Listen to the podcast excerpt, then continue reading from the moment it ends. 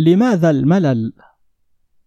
حضارة اليوم طابعها الملل. الحب يولد ليموت والمرأة طبق شهي لوجبة واحدة ثم يصفق القلب طالبا تغيير الطبق. العين تمل واللسان يمل والمعدة تمل. الأسطوانة تكتسح السوق اليوم وغدا لا تجد من يشتريها. الموضة الفستان الجرار المتهدل على الساقين. الموضة فوق الركبة. الموضة المفتوح. الموضة المقفول الموضة الشوال الموضة الممزق التغيير والتغيير حتى في الفكر والفن. سارتر ينادي بالوجودية. سارتر يهجر الوجودية. سارتر يقول لنا أنه ماركسي راسل شيوعي راسل يهاجم الشيوعية. الواقعية في الفن السريالية التكعيبية التأثيرية. كل مذهب ينتشر يفقد قيمته وكل فلسفة يظهر لها متحمسون فدائيون ثم ينفض من حولها السامر تماما كماركات العربات وتسريحات ذيل الحصان. الملل والملل. كل جديد يصبح قديما بمجرد تداوله وكل لهفة تتحول إلى فتور ثم ضجر قاتل.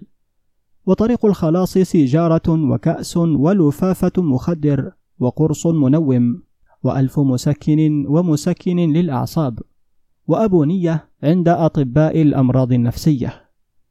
لم يعد زبون الكباريه تثيره مفاتن الراقصة العارية التي كشفت له عن مفاتنها ثم دعته إلى شقتها ولكن اللذة الطبيعية أصبحت عادية والحواس تبلدت والملل يلتمس مهربا أخيرا في الشذوذ ثم في الإفراط إلى حد الإعياء ولا حل.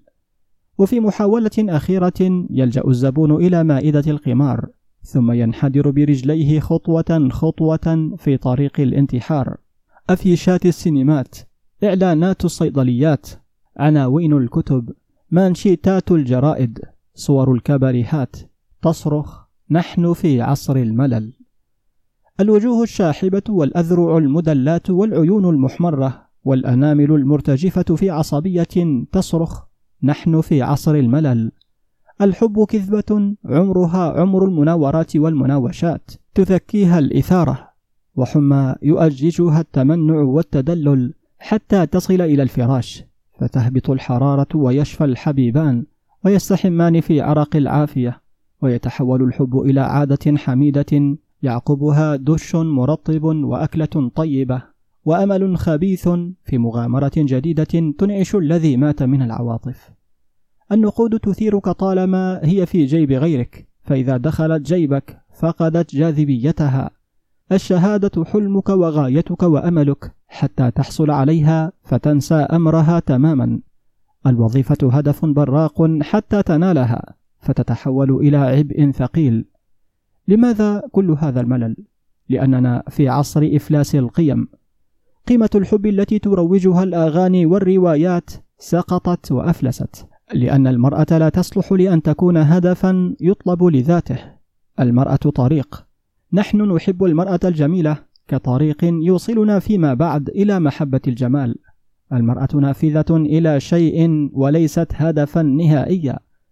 وإذا اتخذناها هدفا نهائيا كما تقول لنا الأغاني والروايات فإننا سوف نقتل هذا الهدف بحثا في الفراش ولن يتبقى لنا شيء نجري وراءه. المرأة زيت يوقد المصباح لنرى على ضوئه أشياء أخرى غير المرأة معان وقيما ومثاليات نعشقها بلا ملل.